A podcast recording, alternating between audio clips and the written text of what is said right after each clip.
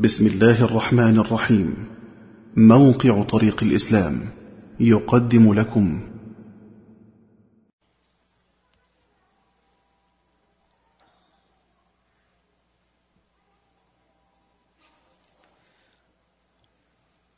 بسم الله الرحمن الرحيم.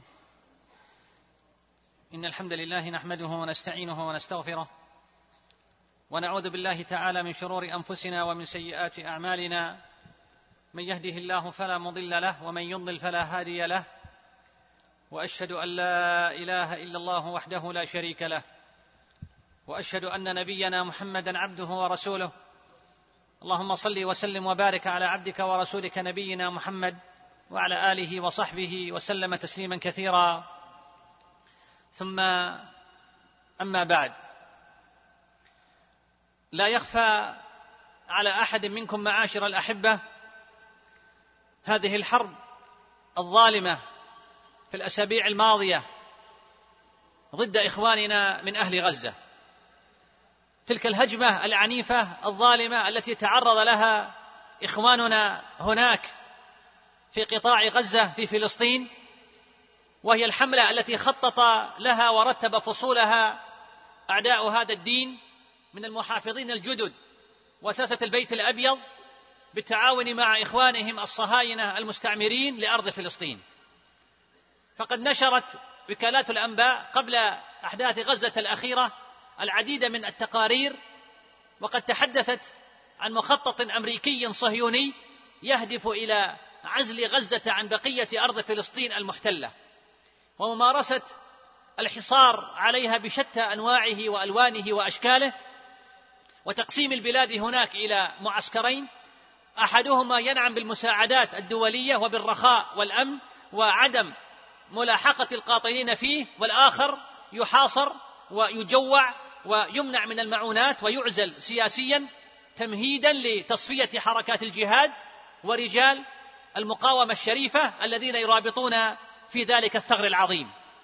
ولم يعد هذا الأمر سرا.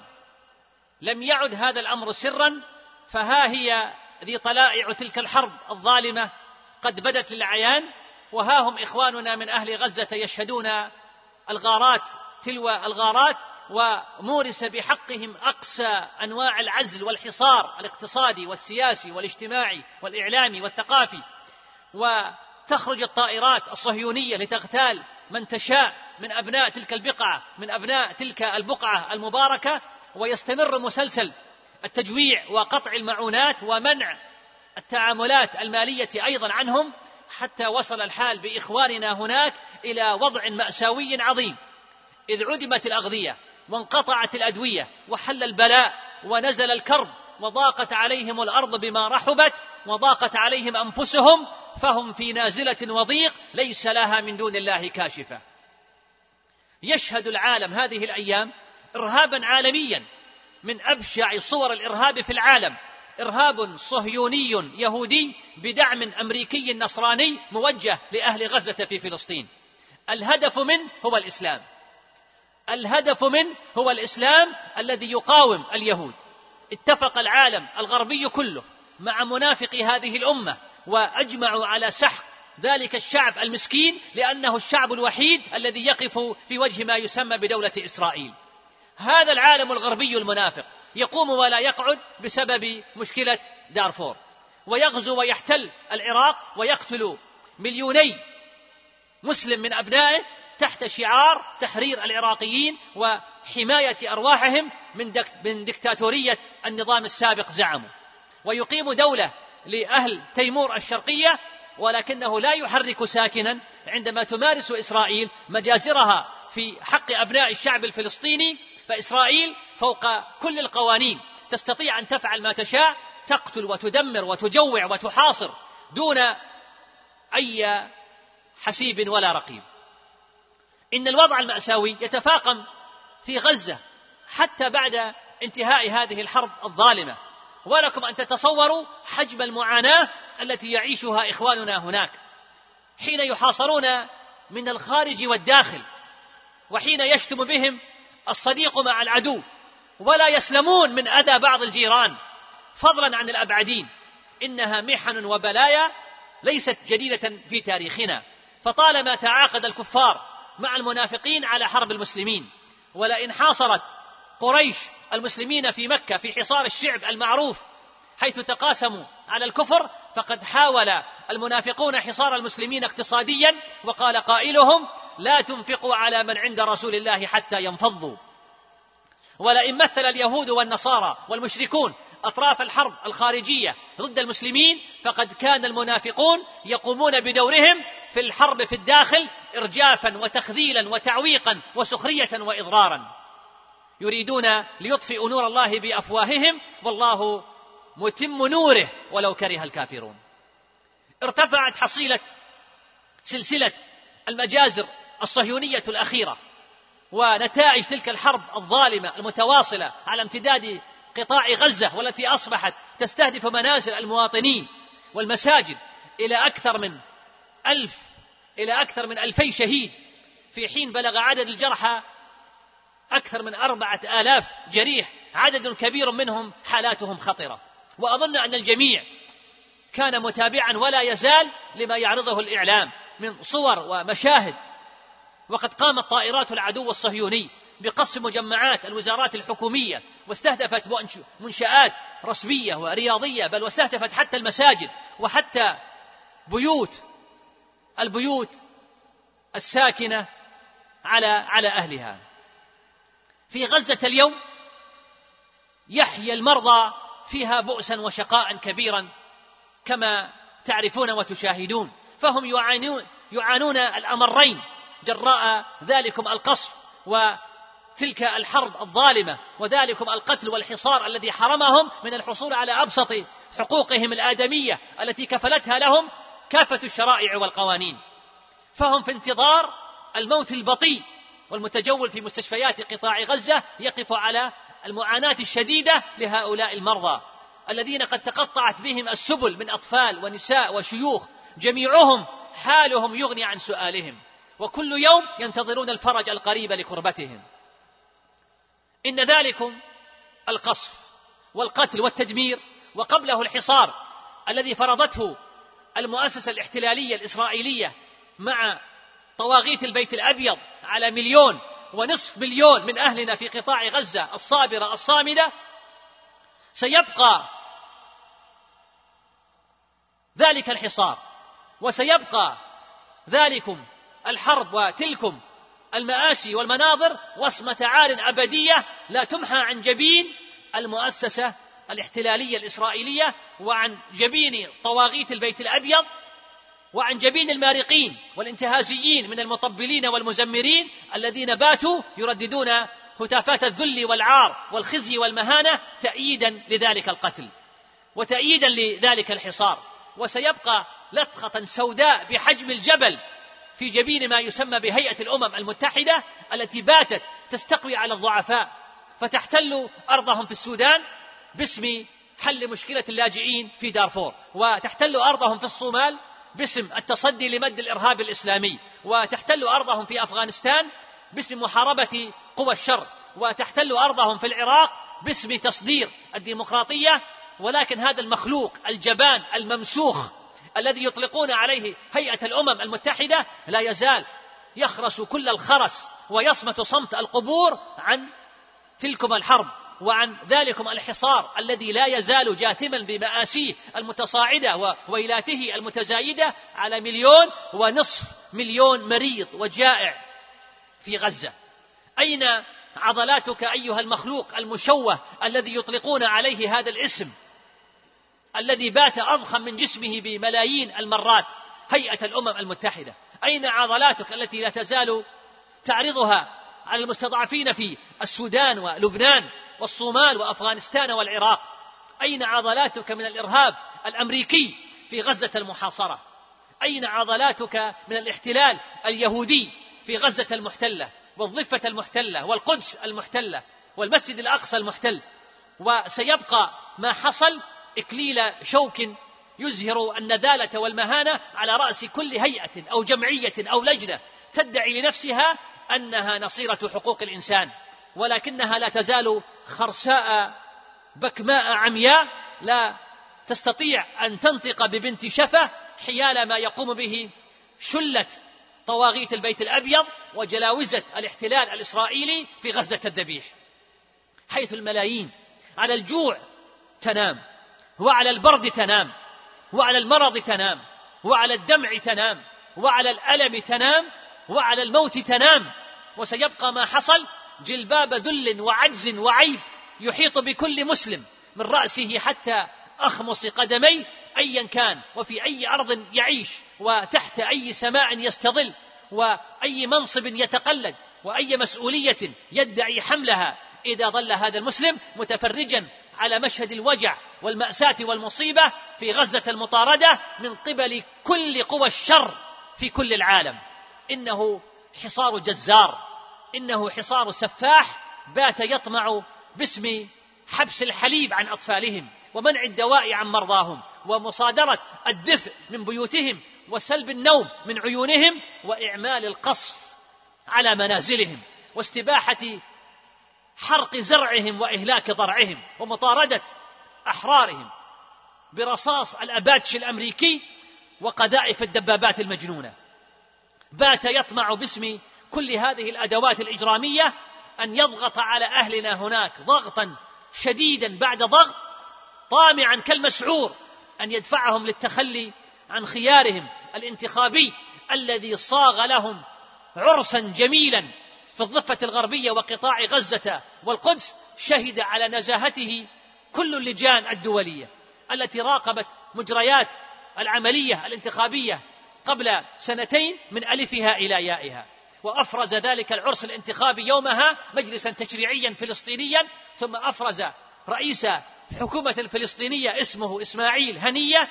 ولكن لأن ثمار ثمار ذلكم العرس الفلسطيني لم تأتي وفق مواصفة ومقاسات الإرهاب الأمريكي والاحتلال اليهودي فقد باشرت ماما أمريكا وربيبتها إسرائيل بفرض ذلكم الحصار الهستيري ثم تبعه ذلكم القصف وذلكم القتل كما شاهده جميع قنوات العالم. كان قطاع غزة حتى الأمس القريب كان سجنا كبيرا. مساحته 150 ميلا مربعا. يضم مليون ونصف المليون معتقل. نصفهم من الأطفال دون سن السادسة عشرة. الآن وبعد أن أغلق يهود ومن يتعاون مع اليهود جميع المعابر وأوقف الوقود والغاز والدواء والطعام بشكل محكم تحول القطاع إلى فرن غاز كبير أشد فتكا من أفراز من أفران النازية. إن هذه المأساة معاشر الأحبة ليست من نسج الخيال إنما هي حقيقة. يعانيها إخواننا المحاصرون هناك قبل القصف الأخير وبعده. إن عرض هذه المأساة ليس تقريرا إخباريا فجميعكم قد شاهد وتابع الأخبار ولكنه تذكير بالواجب الذي تقتضيه الأخوة الإسلامية من النصرة. إن عرض هذه المأساة تذكير لنا جميعا بنعمة الأمن التي نعيشها. إن عرض هذه المأساة تذكير لنا جميعا بأن الغفلة واللامبالاة بما يحل بالمسلمين من نكبات قد تؤدي لحلول العقوبة بالغافلين اللاهين الذين لا تتمعر وجوههم ولا تتألم نفوسهم لما يحل بإخوانهم. ولنا أيها الأحبة مع ما حصل من تلك الحرب الظالمة عشر وقفات سريعة في هذه الليلة المباركة. الوقفة الأولى إن ما حصل لإخواننا في غزة من تآمر وقتل وتجويع وتدمير إنما هو بقضاء الله وقدره. إنما هو بقضاء الله وقدره وبعلمه وبمشيئته. ما يجري اليوم من كيد وقتل وهجوم شرس من اليهود والنصارى والكفار وأذنابهم على غزة إنما هو بعلم الله عز وجل وإرادته وتدبيره. قال الله تعالى ولو شاء ربك ما فعلوه فذرهم وما يفترون. ومشيئته سبحانه. وإرادته سبحانه لا تنفك عن حكمته بل له سبحانه الحكمة البالغة في خلقه وأمره. والعارفون بربهم عز وجل يعلمون ذلك جيدا. ولذا فهم يحسنون الظن بربهم ويرون أن عاقبة هذه الأحداث مصلحة وخير ولطف بالموحدين إن شاء الله تعالى. نقول ذلك تحقيقا لا تعليقا. الوقفة الثانية. إن ما حصل لأهل غزة. لم يحصل لهم وحدهم. فإخواننا في العراق وقبلهم أفغانستان بعد أن نكأ الأعداء جرحها من جديد وكذلك الصومال والشيشان وكشمير والفلبين وغيرها من المناطق التي يتعرض فيها المسلمون للإبادة كما حصل سابقا في البوسة والهيرسك وكوسوفا أيضا سابقا يعانون كما عانى إخواننا في قطاع غزة. ويجاهدون الأعداء بكل ما يستطيعون وقد قل الناصر والمعين. فما حصل لأهل غزة لم يحصل لهم وحدهم. فلستم وحدكم يا أهل غزة من ناله ذلك الألم وناله ذلك القتل وناله ذلك التشريد. فإن كان عندكم شهداء فإن أعداءكم أيضا عندهم قتلى. وإن كان عندكم وحصل لكم جرحى وخسائر فهم كذلك عندهم جرحى وخسائر. ولكن ما ننتظره وتنتظرونه ونرجوه. لا ينتظرونه ولا يرجونه. كما قال عز وجل ولا تهنوا في ابتغاء القوم. إن تكونوا تألمون فإنهم يألمون كما تألمون وترجون من الله ما لا يرجون. فيا أهل غزة لستم وحدكم. فقد قال الله تعالى إن يمسسكم قرح فقد مس القوم قرح مثله. أي إن كنتم قد أصابتكم جراح وقتل منكم طائفة فقد أصاب أعداءكم. من ذلك من قتل وجراح وتلك الأيام نداولها بين الناس أي نديل الأعداء عليكم تارة وإن كانت لكم العاقبة لما لنا في ذلك من الحكمة البالغة. وليعلم الله الذين آمنوا ويتخذ منكم شهداء. تأملوا في هذه الآية. ويتخذ منكم شهداء. فالشهداء يتخذهم جل وتعالى ويصطفيهم اصطفاء من بين سائر القتلى. كل الناس يموتون وكثير من الناس يقتلون لكن القليل منهم من يتخذهم جل وتعالى شهداء ويتخذ منكم شهداء يعني يقتلون في سبيله ويبذلون مهجهم في مرضاته. والله لا يحب الظالمين وليمحص الله الذين آمنوا أن يكفر عنهم من ذنوبهم إن كانت لهم ذنوب وإلا رفع لهم في درجاتهم بحسب ما أصابهم من القتل والجوع والتدمير والحصار والقتل. وختم جل وتعالى الآية بقوله ويمحق الكافرين أي فإنهم وإن أصابهم شيء من الظفر وشيء من النصر فإن هذا يكون سببا لمحقهم وذلك لأنهم سيصيبهم البغي والكبر والبطر فيكون ذلك سببا لدمارهم. وهلاكهم ومحقهم وفنائهم إن شاء الله تعالى. فيا أهل غزة لستم وحدكم فالله معكم بعونه ونصره وتأييده لكم. قال الله تعالى فلا تهنوا وتدعوا إلى السلم وأنتم الأعلون والله معكم ولن يتركم أعمالكم. يا أهل غزة لستم وحدكم ونحسبكم ممن لا تضره المخالفة والخذلان. كما قال حبيبنا صلى الله عليه وسلم لا تزال طائفة من أمتي على الحق ظاهرين لعدوهم قاهرين لا يضرهم من خالفهم إلا ما أصابهم من لاواء حتى يأتيهم أمر الله وهم كذلك. قالوا يا رسول الله وأين هم؟ قال ببيت المقدس وأكناف بيت المقدس. رواه الإمام أحمد في مسنده.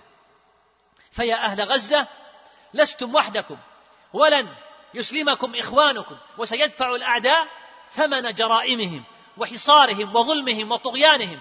ولن تبقى الديار مسلوبة والحرمات منتهكة والمقدسات مدنسة والعاقبة للمتقين. قال الله تعالى ولقد أرسلنا من قبلك رسلا إلى قومهم فجاءوهم بالبينات فانتقمنا من الذين أجرموا وكان حقا علينا نصر المؤمنين. ولكنكم يا أهل غزة اليوم ووحدكم من ينال شرف شرف مقارعة أعداء الأنبياء وأنتم وحدكم ممن يرابط في أرض الأنبياء وأنتم وحدكم من يحاصر الحصار لأنكم أكبر الكبار في زمن الصغار وأنتم وحدكم من يبدد وهم الكيان الصهيوني وأنتم وحدكم من يصطاد أفاعيه ويقهره ويتمنى المجاهدون في كل مكان أن يكونوا معكم ليشاركوا في تحرير مسرى النبي صلى الله عليه وسلم وينالوا أجر الانتقام من قتلة الأنبياء. الوقفة الثالثة. لماذا يباد أهل غزة هذه الإبادة؟ لماذا يحاصر أهل غزة هذا الحصار؟ لماذا يقتل أهل غزة هذا القتل؟ إن أهل غزة يقتلون اليوم ويحاصرون اليوم ويجوعون اليوم من أجل دينهم وعقيدتهم. يقتلون ويحاصرون لأنهم يطالبون بتحرير بيت المقدس من أيدي اليهود الغاصبين. يقتلون ويحاصرون لأنهم رفضوا التنازل عن الأقصى المبارك. يقتلون ويحاصرون لأنهم لم يرضوا بالتطبيع مع العدو الصهيوني. يقتلون ويحاصرون لأنهم حملوا المشروع الإسلامي على رؤوسهم وفدوه بأرواحهم.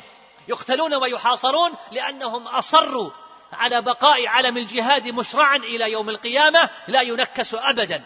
يقتلون ويحاصرون لأنهم يدافعون عن حرمات المسلمين ومقدرات هذه الأمة. من أجل هذا كله يقتل ويحاصر أهل غزة اليوم. إن الأمة التي تنطلق من, من أجل عقيدتها أيا كانت هذه العقيدة أقدر على الثبات والمواجهة. وهذا هو الذي قد تميزت به دولة يهود في بعض الفترات عندما تنكر غيرهم لدينهم وعقيدتهم. إذ أنها انطلقت في بنائها من التعاليم التوراتية التي أصبحت هي الأصل في كل مواقفها السياسية والعسكرية والإعلامية والثقافية.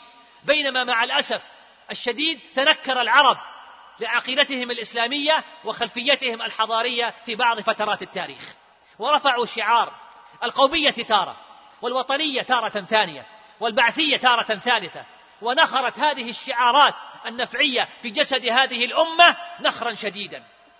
حتى حتى أصابها التمزق والتشتت ولم تعد قادرة على انتزاع أيسر حقوقها وأوضحها. فالإحباطات المتراكمة تسيطر عليها من كل جهة. ولما ولما رجع بعض الناس إلى هويتهم الأصلية وتعالت في صفوفهم آيات الأنفال وآيات آل عمران وارتفعت ألوية التوحيد. جن جنون اليهود واضطربت عقولهم وأخذوا يبطشون بكل قسوة وجبروت لعلهم يئدون هذا الوليد في مهده ويخنقون صوته لكنهم لم يجدوا إليه سبيلا ولن يجدوا إن شاء الله تعالى إليه سبيلا. إن الأحداث المتتالية علمتنا أن اليهود لا يمكن مواجهتهم إلا بسلاح العقيدة. وأن الرجال الصادقين المخلصين هم وحدهم القادرون على الثبات وإن أصابهم ما أصابهم من شدة أو قتل. ولا يمكن ترويضهم أو تذليلهم فهم حريصون على الشهادة أكثر من حرصهم أكثر من حرص غيرهم على الدنيا. الوقفة الرابعة. إن ما يفعله اليهود في أرض فلسطين وما يرتكبونه في حق إخواننا هناك في قطاع غزة يجب ألا يلجأنا إلى الصراخ والعويل والشكوى إلى ما يسمى بمجلس الأمن. وما وهذا مع كل أسف. سمعناه وقرأناه في بيانات بعض الطيبين. هناك بيانات صدرت تطالب وتناشد المنظمات الدولية بأن تطبق مقررات العدل وتراعي قيم الإنسانية وتتدخل لإنهاء هذه المأساة. إن هذه المنظمات وهذه المجالس لا يسمعوننا ولو سمعوا ما استجابوا لنا. وتدل على ذلك عشرات إن لم تكن مئات المرات التي جرى فيها بيننا وبينهم حوار لكنهم لم يسمعوا ولن يسمعوا. إنما يسمى بالنظام الدولي والذي أجهدنا أنفسنا مع كل أسف في مناشدته بالضغط لرفع ذلك الحصار في السابق ثم إيقاف هذه الحرب الظالمة. هو بالضبط من أسبغ على ذلك الحصار ثم ذلك العدوان ما يسمى بصبغة الشرعية الدولية تماما كما فعل في حصار العراق ثم تبعه العدوان عليه. إن ما يسمى بالنظام الدولي الجديد. هو الذي أعطى الشرعية لحصار العراق ثم بالعدوان عليه. وهو الذي أعطى الشرعية الدولية كما يسمى لحصار أفغانستان ثم تبعه العدوان عليه. والحصارات التي فرضت يمكن أن تفرض على بلاد أخرى إسلامية غيرها تمهيدا للعدوان عليها مثل السودان أو الصومال أو غيرها من شعوبنا الإسلامية المتربص بها لأهداف استكبارية. كما أن ذلك النظام الدولي هو الذي أعطى شرعيته الدولية منذ ستة عقود لوجود الدولة الصهيونية المعتدية على أرضنا في فلسطين. إضافة إلى ذلك فإن المجتمع الدولي الرسمي تحت ذلك النظام هو الذي اجتمع مع أمريكا في حربها العالمية ضد المسلمين المقاومين لهذا العدوان باسم الحرب على الإرهاب التي كان ولا بد أن تشمل منظمة حماس وفقا للتصنيف الأمريكي والتصفيق العربي. إنما يفعله اليهود في أرض فلسطين بالتعاون مع إخوانهم النصارى يجب ألا يلجئنا أيضا إلى البكاء على الذكريات ولا أن نقول أين أنت يا صلاح الدين؟ ولكننا نقول إن الصراع بيننا وبين اليهود صراع طويل. هذا الذي يجب علينا أن نقوله وأن نفهمه. إن الصراع بيننا وبينهم صراع طويل وما يقوم به شجعان غزة. من هذه العمليات الاستشهادية التي أقرت عيون المؤمنين ما هي إلا جزء من هذا الصراع. لقد قلنا ولا نمل من التكرار. إن هؤلاء القادمين من أوروبا شرقيها وغربيها لا يفهمون إلا لغة واحدة لغة القوة. وهذا الأوروبي أو ذلكم الأمريكي الذي يعطي هؤلاء ويمد هؤلاء بالمال والسلاح لا يفهم إلا لغة واحدة لغة القوة. إنه لن يقف في وجه اليهود إلا هؤلاء الفتية الذين آمنوا بربهم. ولا أدل على ذلك من حالة الرعب والهلع الذي يعاني منه شعب يهود ومن وراء يهود فهل يعي ذلك دعاة السلام ودعاة الاستسلام؟ والآن وفي هذه الأحداث الأخيرة والتي أسفر صباح الحقيقة وتبين الخيط الأبيض من الخيط الأسود في مستقبل قضية فلسطين واستسلمت جميع الرايات وبقيت راية واحدة تعلن الرفض وتتمسك بثوابت الحق وتفي وتحمل الأمانة إلى الأجيال القادمة. تلك هي راية الإسلام. راية الإسلام. وأولئك هم أبناء الصحبة الإسلامية المجاهدة في فلسطين وفي جميع أرض الله الواسعة. ومما هو جدير بالتذكر الآن أن هذه الرايات المنكوسة هي ذاتها التي حاربت راية الإسلام على مدى نصف قرن من الزمان وقهرت كل من يحاول رفعها في العديد من ديار الإسلام وذلك باسم قضية فلسطين. ولا صوت يعلو فوق صوت المعركة. ومنذ ذلك التاريخ وفلسطين تضيع قطعة قطعة. إن الغضب الإسلامي مشروع ولا ريب. الغضب لله الغضب لدينه الغضب الغضب لحرماته الغضب لمسجده الأقصى. ولكن الذي ينبغي أن نحذر منه أن يصبح هذا الغضب فورة عاطفة وانفلات أعصاب ومشاعر فقط دون أن نقنن هذه العاطفة وتلك المشاعر وذلكم الغضب إلى خطط جديدة طويلة الأمد. ندير من خلالها صراعنا الجديد القديم مع اليهود ونظام الظلم العالمي الجديد. إن ما حدث أخيرا هو مفتاح جديد للتاريخ. بالقدر نفسه الذي يمثل نهاية مرحلة من مراحل التاريخ المعاصر. وهذا التاريخ الجديد من يتحمله؟ يتحمله الإسلاميون وحدهم. الإسلاميون هم وحدهم الذين يتحملون هذا التاريخ ويتحملون عبء المواجهة وتبعات الجهاد الأكبر. فنسأل الله جل وتعالى أن يوفقهم لنصرة دينه وأهله ويسدد خطى الجميع. الوقفة الخامسة.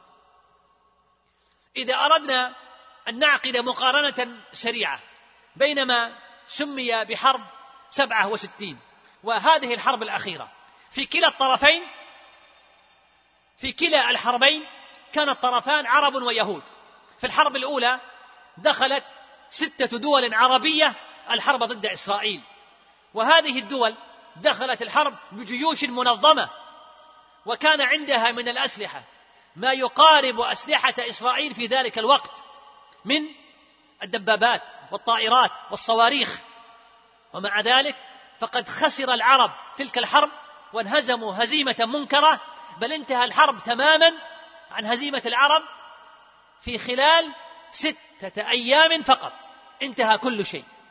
وهذه الحرب الأخيرة جاوزت العشرين يوما وغزة صامدة ولم تهزم.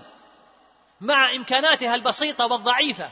ولا ننسى أنها كانت محاصرة ومجوعة سنتين قبل ذلك قبل أن تدخل هذه الحرب. علما بأن قوة إسرائيل الآن أضعاف أضعاف ما كانت عليه يوم دخلت الحرب عام سبعا وستين ضد ستة دول عربية بجيوش منظمة.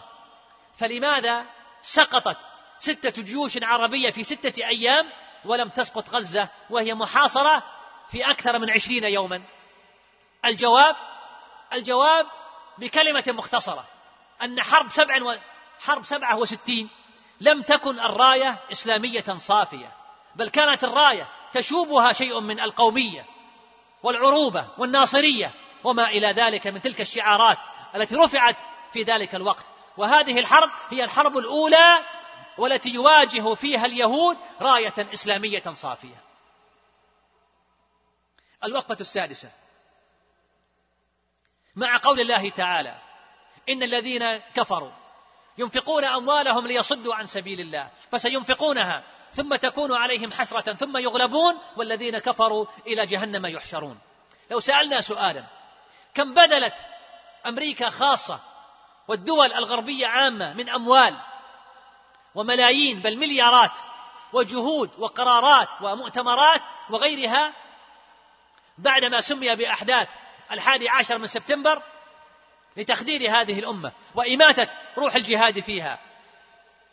بل وأعلنوها عالميا بالحرب على الإرهاب. بل كم ضغطت على كثير من الدول العربية لتغيير مناهجها التعليمية وحذف معظم ما له علاقة باليهود والنصارى والجهاد. بل وصل التضييق حتى على دروس المساجد والمحاضرات بعدم التحدث في قضايا لها تعلق بالجهاد ونحوها ونحوها من المواضيع التاريخية التي تذكر بعز هذه الأمة في الماضي وكيف كانت تقارع تقارع أعداءها. فأقول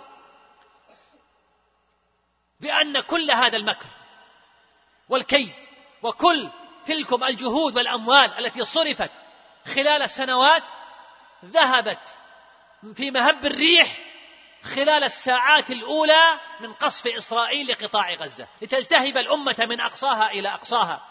تنادي بفتح باب الجهاد مرة أخرى بل إنما بذل من جهود ضخمة لما يسمى بالسلام مع إسرائيل ابتداء بكام ديفيد ومرورا بأوسلو.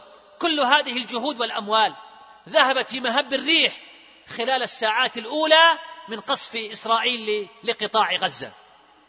وهذا وهذا إن دل على شيء أيها الأحبة فإنما يدل على غباء اليهود وغباء الإدارة الأمريكية. فهم بتصرفهم هذا وبقرارهم هذا هدموا في لحظة ما بنوه في سنوات. وهذا يجعلنا نؤكد أنه لا يلزم من أن هؤلاء القوم يوفقون في كل قرار يتخذونه. ونؤكد بأنهم بشر ضعاف وأغبياء فقد يتصرفون بما يضرهم ولا ينفعهم. ونؤكد بأن الله جل وعز يقدر الخير لهذه الأمة في بعض الأحيان من جوانب لا تخطر منا على بال.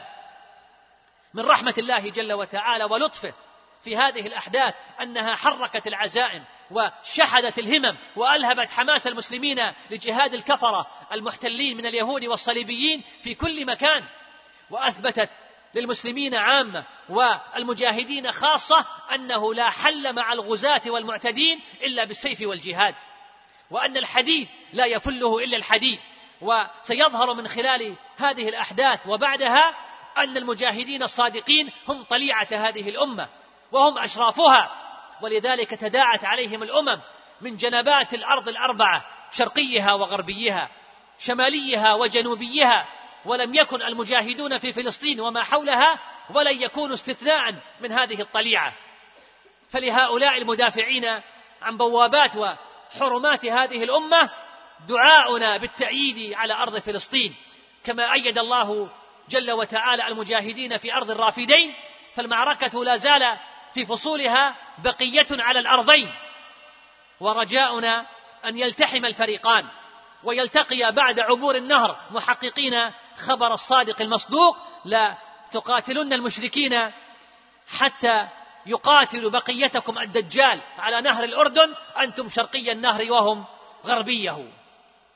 نسج العدو بمكره وحصاره أكفان غزة والقدس يصرخ خلف جدران اليهود المستفزة وتواكب الشهداء في ثوب الفدا غررا أعزة.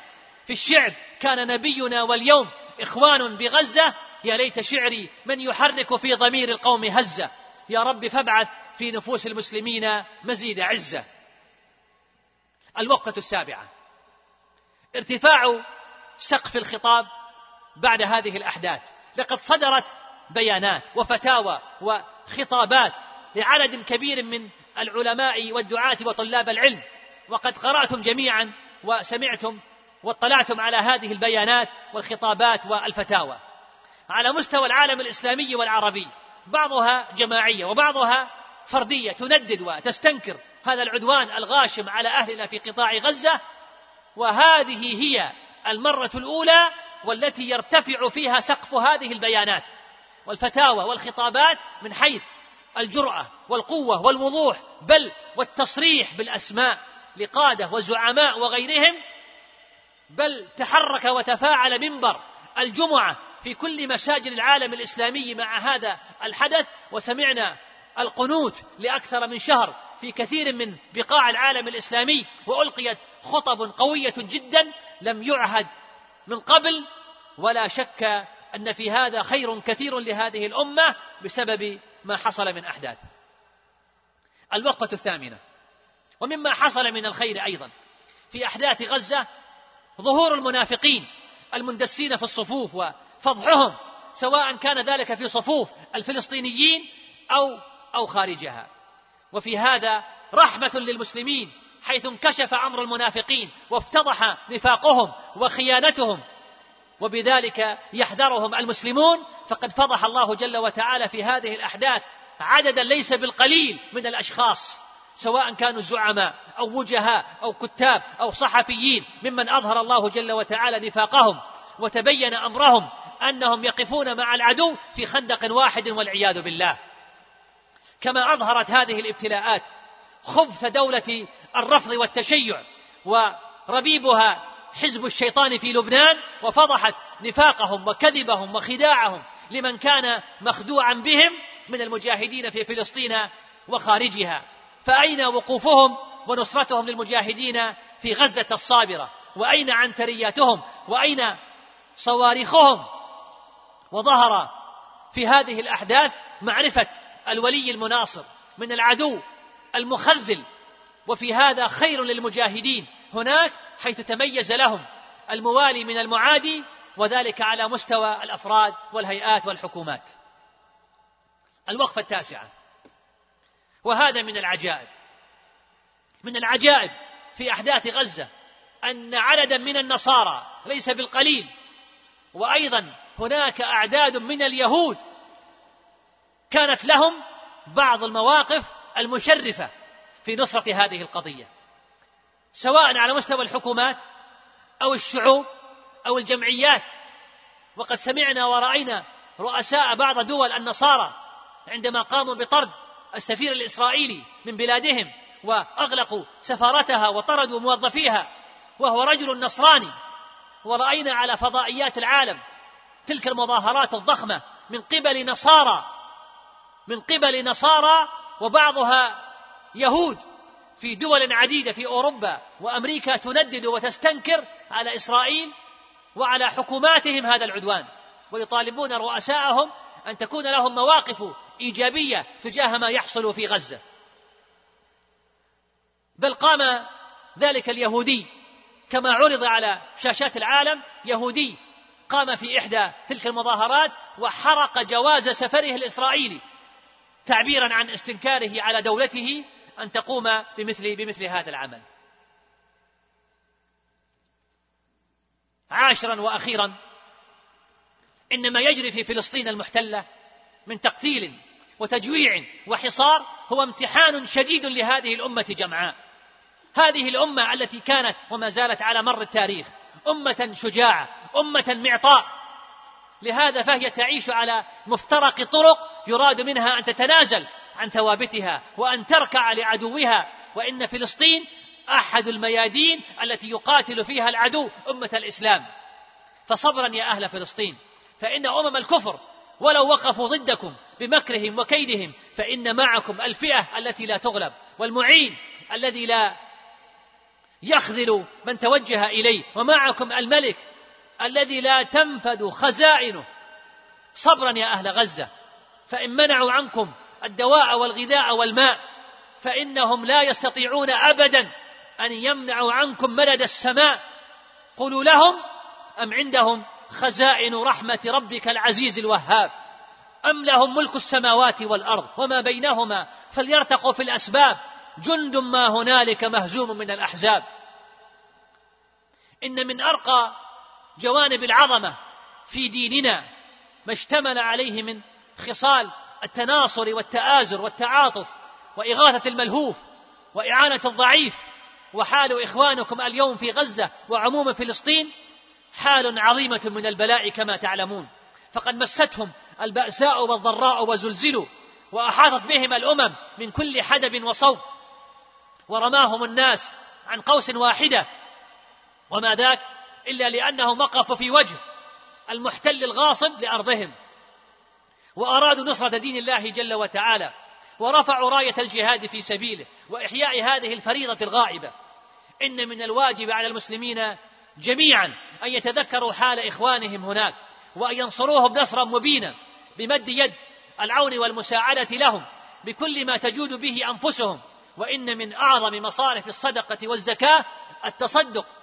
على أهل الثغور المرابطين في سبيل الله عز وجل والسعي في تفريج كرباتهم والوقوف معهم في محنتهم وهو ما نهيب بإخواننا المسلمين كافة أن يفعلوه وألا يحقروا شيئا من المعروف فهذا من أعظم أنواع الجهاد في سبيل الله ألا وهو الجهاد بالمال والدعم ليس مقصورا على المال فحسب بل يجب أن ندعمهم سياسيا وإعلاميا. وأن ننصر قضيتهم وأن نعرف بحقهم في المحافل والنوادي وأن نسعى إلى رفع الظلم عنهم وكشف ما داهمهم من البلاء فبمثل هذه الأعمال الصالحة يستدفع الشر والسوء وتحل البركة وينتشر الخير بيننا.